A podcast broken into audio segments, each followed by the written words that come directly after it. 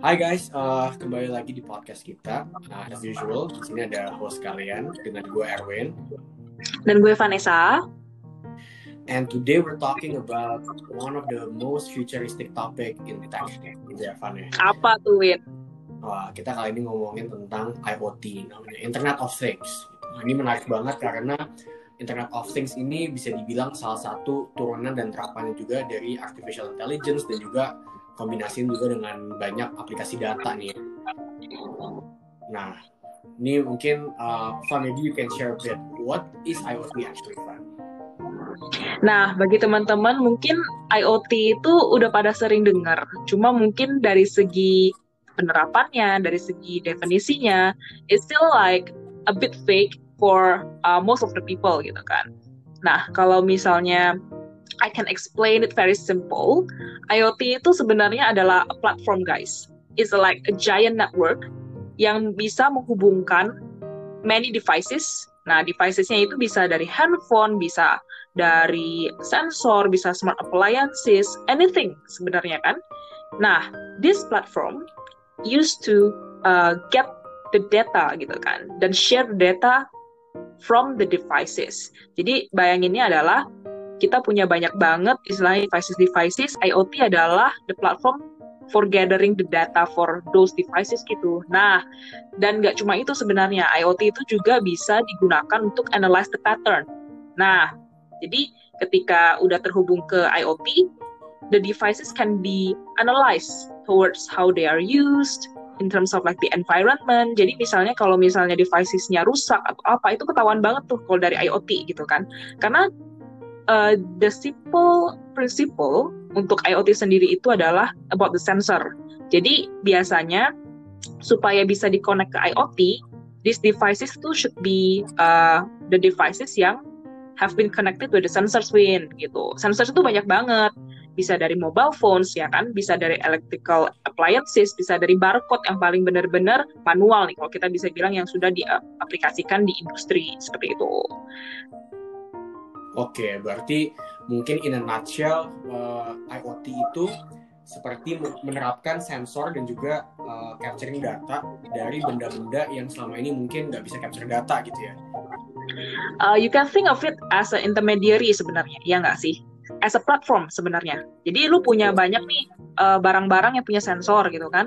Cuma kan there are lots of like data gitu kan ke mana nih yang harus ditransmit, yang ke mana nih in terms of like the platform supaya data-data tersebut tuh saking banyaknya bisa dianalyze, bisa diketahui apa sih insight-insight yang terjadi di those uh, things gitu loh.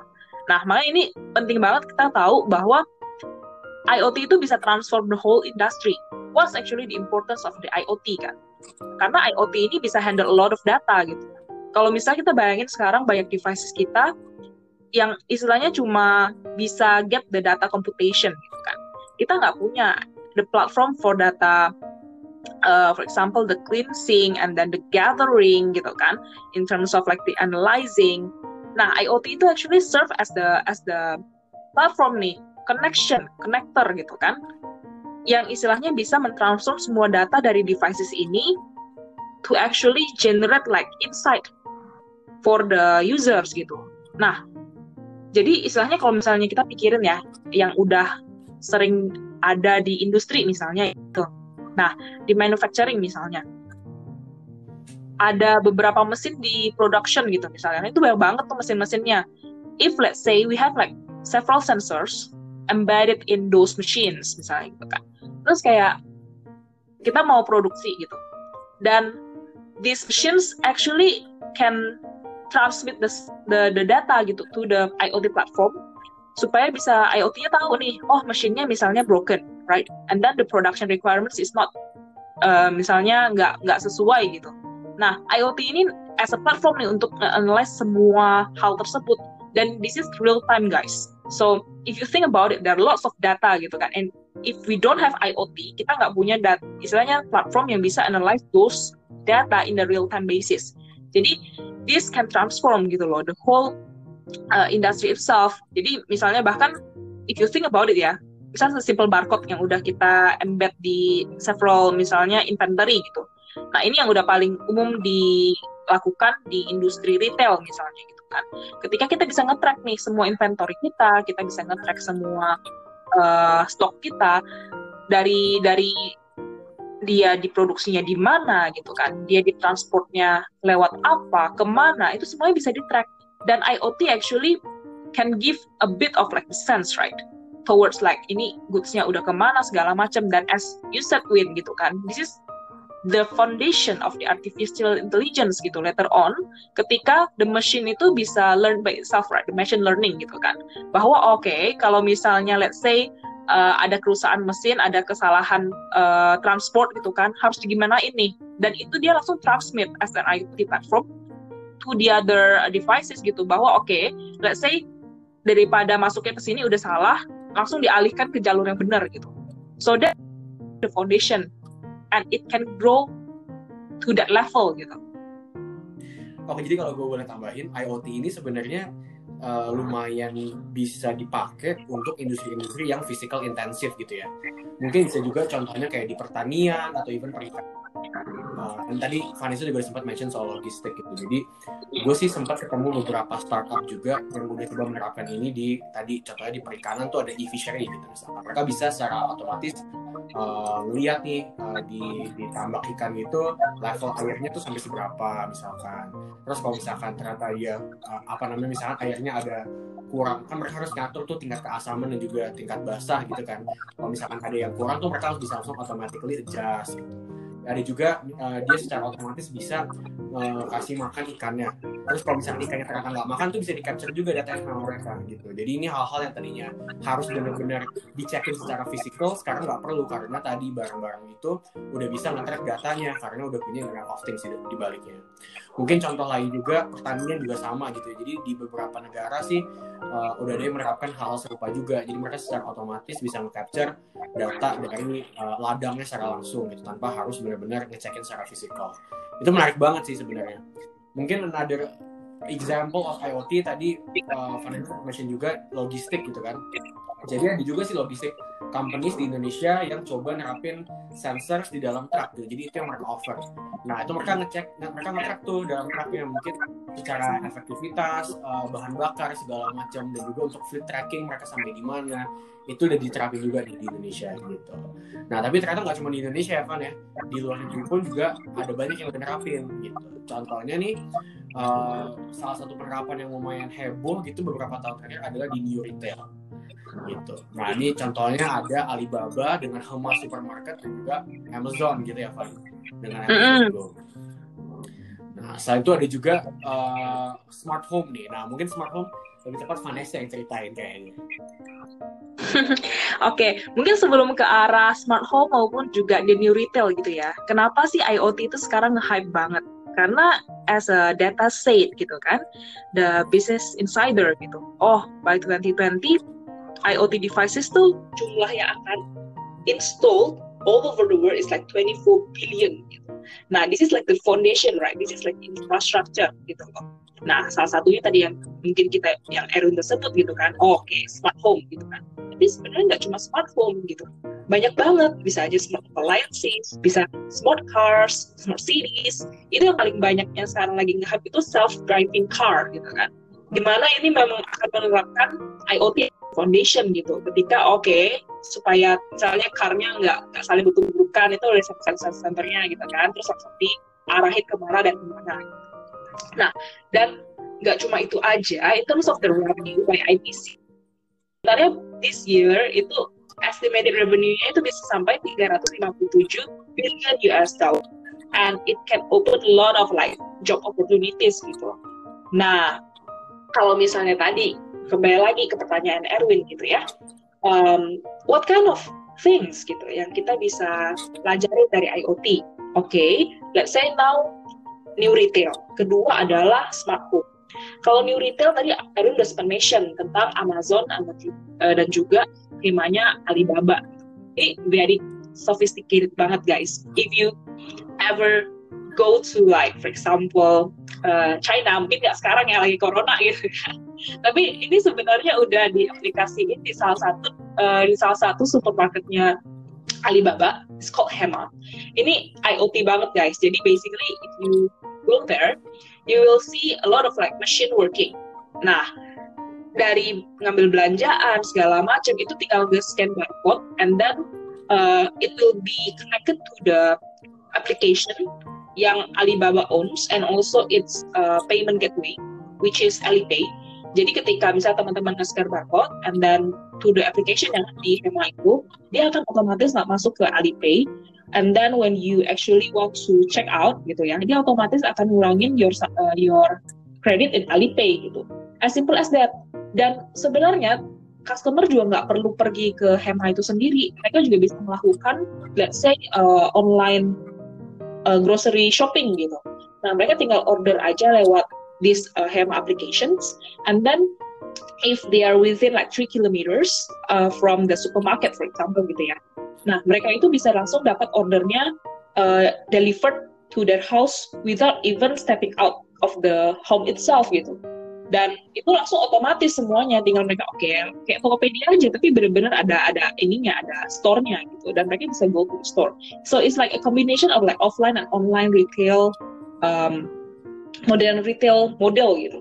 Nah itu dari segi Alibaba ya. Kalau misalnya dari segi Amazon misalnya. Amazon is like notoriously known as a as a company yang heavily automate everything gitu ya. Ini ini juga salah satu sebenarnya yang uh, pro and cons ya di di kalangan uh, I mean like a lot of organization gitu kan. Uh, dan tapi kalau kita ngelihat dari segi bright side-nya mereka tuh benar-benar automate everything in terms of like the uh, back end operations gitu misalnya ketika inventory warehousing and then supplier transporting itu mereka udah melakukan this kind of like application towards like IoT to the maximum gitu. Mereka use a lot of robots yang udah embedded by the sensors. Nah, robots-robots ini istilahnya in another level itu bisa sampai ke artificial artificial intelligence level gitu. Jadi ketika ada misalnya ada barang jatuh gitu ya, mereka juga sudah tahu oke, okay, this is ada barang jatuh langsung di di uh, di gimana caranya gitu supaya barangnya bisa transported well to the to the destination gitu. Jadi mereka bisa mikir quote unquote ya, udah kayak mikir sendiri gitu. Nah, ini memang kalau misalnya di Indonesia masih banyak kejarangan gitu ya. Bisa dibilang ini lebih ke arah kayak global applications towards like in US and also in China gitu kan. Tapi that's actually the idea of the IoT kan. Di mana mereka uh, use this kinds of like smart appliances, smart devices gitu kan, supaya generate data that can be used towards like apa sih harus dilakukan kalau misalnya ada terjadi kerusakan atau bottleneck in the in the in the system to to achieve the goal gitu. Kalau misalnya ngomongin soal Indonesia gitu ya, nah mungkin di Indonesia sendiri yang seperti itu belum ada nih. Dan uh, in the coming years potentially there will be gitu kan, tapi mungkin masih jarang uh, in terms of the application. Kalau misalnya di Indonesia, I would say yang paling sering itu mungkin lebih ke arah smart uh, appliances nih. Jadi antara smart uh, home gitu ya, mungkin belum ke smart car sama belum ke smart city, tapi mungkin lebih ke arah uh, smart home sama smart appliances karena banyak banget perusahaan-perusahaan sekarang yang udah try to provide this kinds of like smart devices to Indonesia gitu. Nah mungkin dari segi itu bisa menjadi sebuah uh, starting gate for Indonesia to apply IoT in the future gitu. Nah, contoh smart home sama smart, smart appliances itu seperti apa sih, Win gitu ya? Itu banyak banget sebenarnya kalau misalnya ngeliatin sekarang kayak smartphone industry company gitu yang istilahnya udah kayak provide, for example like wearable devices gitu ya. Misalnya kayak Apple ada kayak smartwatch-nya gitu kan. Terus juga ada kayak misalnya outdoor uh, for outdoor appliances, misalnya kayak scooter gitu kan. Sekarang kayak kemarin Grab tuh udah banyak tuh yang kayak skuter-skuter elektrik gitu kan. Nah, itu juga bisa untuk kayak misalnya health sama lifestyle product misalnya kayak luggage gitu kan smart luggage yang nanti kayak udah udah udah tahu sendiri segala macam gitu kan atau smart uh, kalau kayak sering nonton anime misalnya kayak yang Conan gitu kan itu bisa ya kayak semua hal gitu kan. Itu salah satu contoh yang udah sophisticated ya ini belum masuk Indonesia sih. Nah tapi kita juga dari misalnya smart TV gitu kan dan juga misalnya dari segi security of the smart home itself gitu. Nah misal contoh sensor sensor dalam rumah yang bisa untuk light itu juga bisa untuk CCTV gitu ya ke dalam itu nyala gitu atau ada smart metal ada smart um, uh, misalnya ada gitu kan. Nah itu otomatis dia akan melakukan semua hal untuk membuat your home itu digitalized and automated in in a way ya. Jadi it's ya yeah, the the final the final process is like ya udah lo istilahnya bener-bener nyaman banget di rumah lo lo nggak usah ngapain semua hal dilakukan oleh uh, this kinds of like uh, technology gitu. Nah iya gue mungkin kalau gue nambahin dikit tadi soal Alibaba juga ya apa namanya Hema itu kalau misalnya teman-teman lihat di YouTube ya magicnya itu sebenarnya ketika datang langsung ke sana sih jadi nggak cuma pas lagi ngambil barang doang tapi ketika barangnya ditaruh itu mereka automatically langsung uh, di dibalikin lagi juga duitnya gitu dari Alipay. Jadi mereka udah punya sensor di sekitar tokonya, semuanya tuh ada CCTV gitu ya, mereka udah ngeliatin. Uh, jadi ketika kita ngambil barang, barang itu punya tag gitu, punya tag dan barcode itu yang di tag sama mereka. Ketika diambil langsung motong dari Alipay, ketika dibalikin balik lagi ke Alipay-nya gitu. Terus ditambah lagi kalau misalkan udah beli barang nih di supermarketnya, you put it on the on the conveyor belt. Jadi mereka ada conveyor belt di dalam supermarketnya. Nah itu within 30 minutes bakal langsung dikirim ke rumah kita. Jadi itu magic banget gitu kalau misalnya. Even mereka tuh punya restoran gitu kan. Mereka punya restoran. Restorannya itu udah fully uh, unmanned. Jadi udah nggak ada orang sama sekali di sana. Semua serve sama robot di serve sama uh, conveyor belt gitu ya. Kecuali yang masaknya sendiri ya. Tapi uh, the waiter and waitresses itu udah gak ada gitu. Jadi itu udah itu udah magic banget. Even di Amazon pun juga sama Amazon Go gitu. Mereka semuanya pakai pakai sistem dan juga sensor jadi uh, di idea emang ngebikin supaya pengalaman belanja di retail tuh lebih smooth dan juga lebih lebih menarik. Nah, tadi ngomongin soal uh, smart home gitu ya. Kita juga juga ada nih Amazon Echo Google Home gitu kan. Nah itu juga menarik banget sebenarnya. Karena sebenarnya IoT ini dengan capturing data bisa enabling orang untuk melakukan seamless transaction gitu. Dan seamless transaction capturing uh, user preference juga gitu kan. Bisa heat map misalkan kalau di toko gitu. Jadi aplikasinya sih banyak banget yang menarik sebenarnya. Tapi emang mungkin gue secara personal ngerasa ini personal data gue diapain nih sama company company ini. Jadi gue secara personal bakal mikir gitu juga sih. Gila semua pergerakan gue di track nih dengan IoT gitu. Pola gue di rumah lah segala macam itu bisa ke track ya sebenarnya. Satu sisi bagus karena ada automation sisi lain tapi juga dari segi data itu agak-agak ya agak-agak serem sih ya sebenarnya gitu. Even sebenarnya di Indonesia ya, Van ya, ada juga loh yang udah nerapin kayak gitu, new retail. Di, nah, di pantai makanya... kok ada JDIDX. Mm -hmm. Nah, itu JDIDX tuh mirip banget konsepnya kayak Mas kayak sama kayak Amazon Go. Cuma bedanya emang nggak belum seseamless itulah gitu. Nah, jadi si JDIDX ini juga sama kita masuk itu harus pakai aplikasi JDID, udah harus connect sama credit card gitu. Jadi kalau nggak ada credit card susah juga. Ntar kita masuk scan uh, aplikasinya, mereka nge-track gitu kita ngambil apa, ntar pas keluar tinggal check out pakai buka. Jadi pakai facial recognition gitu itu juga sama tuh mereka rencananya pengen bikin unmanned gitu. cuman ya emang uh, I say penerapan dan juga aplikasi dari IoT ini di Indonesia yang benar-benar consumer facing masih agak-agak susah ya gitu karena emang dari segi cost itu very costly belum bisa kita bikin produksi yang uh, apa ya yang murah dan juga ngebikin affordable buat user. Tapi emang tadi kalau Vanessa bikin soal warehouses itu lebih lebih lebih make sense sebenarnya untuk Indonesia nerapin. Kenapa? Karena ya it's it's a it's a fixed cost kan, it's a, it's a one time uh, investment gitu kasarnya, tapi bisa automate a lot of things dan juga bisa optimize a lot of things gitu. Jadi kayak contohnya benar tadi kalau misalkan kayak Amazon gitu in the US, semua isi warehouse-nya tuh udah robot semua, benar-benar jarang banget ada orang. Mereka benar-benar ngetrakin semuanya. Even di China ya, di China, katanya Jingdong itu pengirimannya udah pakai drones gitu. Udah pakai IoT-nya udah pakai drones lah gitu. Jadi udah udah unmanned juga pengirimannya. Nah itu itu uh, again kalau misalkan untuk B2B penerapannya sebenarnya banyak banget. Consumer facing kalau menurut gue masih agak-agak ini nih masih agak-agak susah karena mahal gitu ya. Nah Van kalau ngomongin lagi balik ke Indonesia what do you think uh, IoT di Indonesia gitu? Uh, apa yang jadi hambatannya kita gitu, dan potensinya ada apa sih di Indonesia? Oke, uh, mungkin gue singgung ses, uh, satu hal tentang data privacy dulu ya. Ini kan sebenarnya semua orang udah kayak, iya ini data gue diapain segala macam gitu ya. That's actually why all of the technology breakthrough itu harus connected sebenarnya. Nah, salah satu contohnya kan sebenarnya in, in terms of like um, preserving your data privacy, you need to do like blockchain misalnya gitu kan, supaya datanya kan jadi decentralized, right? Jadi nggak semua data consumer itu dipegang oleh misalnya let's say one company. Nah, tapi memang dari segi aplikasinya itu yang se sebenarnya masih susah nih dari segi adoptionnya. Makanya kenapa salah satu uh, apa namanya ya untuk the the the early adoption for IoT juga agak susah terutama di Indonesia karena banyak sekali teknologi-teknologi pendukung itu yang belum um, inline gitu. Itu satu hal. Nah, kedua dari segi infrastrukturnya juga gitu kan, kan. Nah, tadi uh, gue udah sempat singgung soal kayak in terms of the IoT devices gitu kan. Oke, sekarang udah mulai banyak yang masuk nih in terms of like the devices yang udah punya sensor. Simpelnya kayak gitu ya. Nah, tapi in terms of the user adoption itu juga akan still take time sih.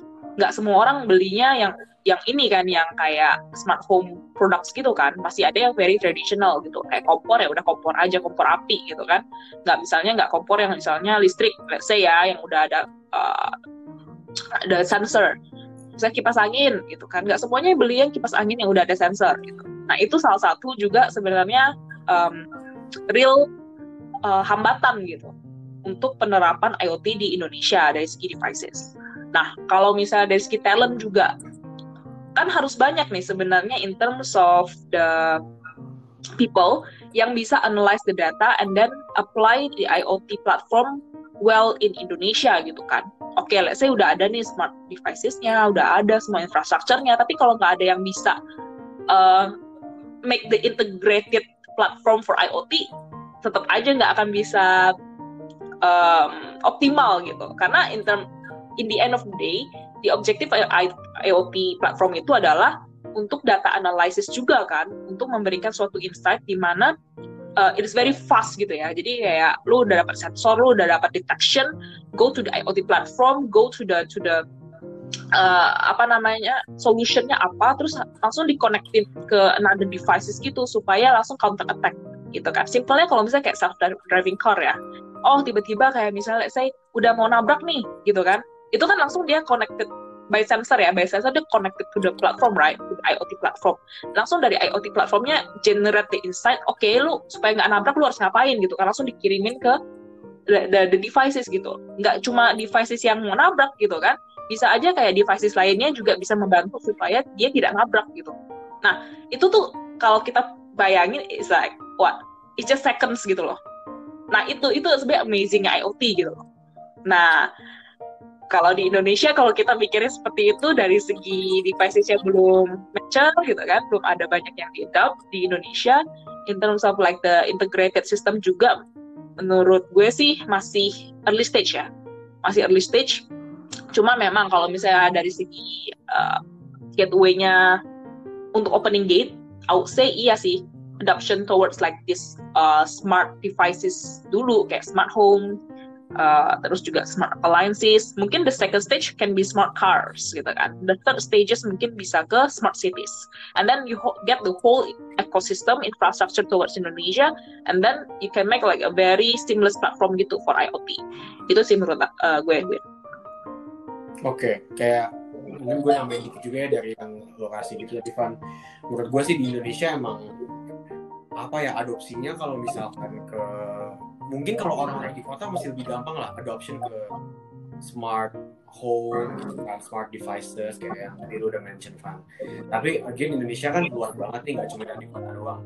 Jadi kalau gue ngeliat sih dari segi dari segi startup gitu ya jadi yang gue bilang tadi awal-awal gue ngeliat banyak banget startup yang ngasih uh, inovasi dan solusi yang menarik sebenarnya untuk industri industri-industri kayak pertanian kayak uh, tambak ikan untuk perkebunan gitu. Nah mereka tuh benar-benar uh, ngasih solusi yang menarik. Kenapa? Karena tadi apa namanya orang orang jadi nggak perlu ngelakuin hal-hal yang bisa dilakukan secara fisikal gitu. Karena semuanya udah terrecord sama sistem dan juga sama barang-barang gitu. Gitu. Nah mungkin itu adoption not even the first wave kali ya. Mungkin itu pre first wave gitu. Bisa jadi. Karena in a sense itu sebenarnya IoT juga gitu. Sebenarnya itu IoT juga. Kalau kayak sound driving car and everything it's a far fetched future menurut gue. Uh, tadi Vanessa mention about smart cities, it's already happening guys by the way.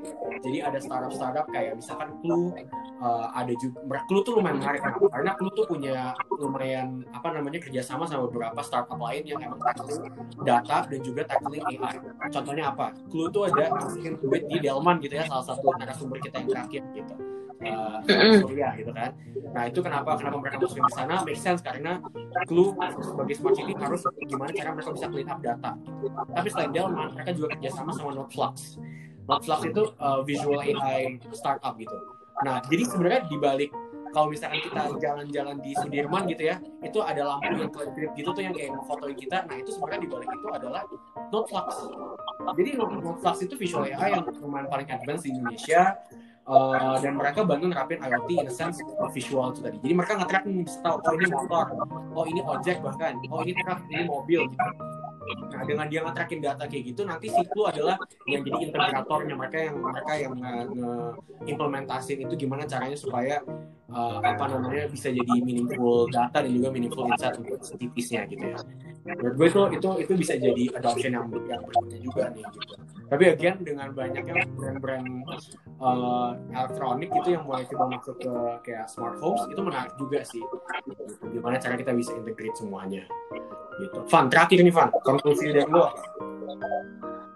Oke, okay, so I would say kembali lagi in if it if we are talking about IoT, this is definitely a big thing ya. Untuk transform the whole digital landscape in globe. I mean like not only Indonesia but also globally gitu kan. Nah, jadi sebenarnya in terms of like the the potential itu gede banget gitu kan. Cuma masalahnya adoptionnya kan sebenarnya di situ kan. Nah adoptionnya itu memang harus stages uh, in terms of like the government to support, the industry to support, dan juga the development of the talents itu very important sih. Untuk istilahnya bisa menjadi usernya kan, bisa make gitu. Nah ini yang sebenarnya mungkin juga uh, salah satu challenges ya di Indonesia di mana harus lebih banyak nih orang orang-orang yang mengerti what the cause of the technology and then how to use it uh, well to enable the whole digital transformation gitu towards like the Indonesia sendiri. So itu dari gue. Semoga itu kita bermanfaat untuk para audiens kita hari ini. So I think this is the end of our podcast ya Win ya. Ya, betul sekali. Oke, okay. okay, kalau kayak gitu, see you uh, next week, teman-teman. Di sini ada gue Vanessa dan rekan gue. Erwin. So,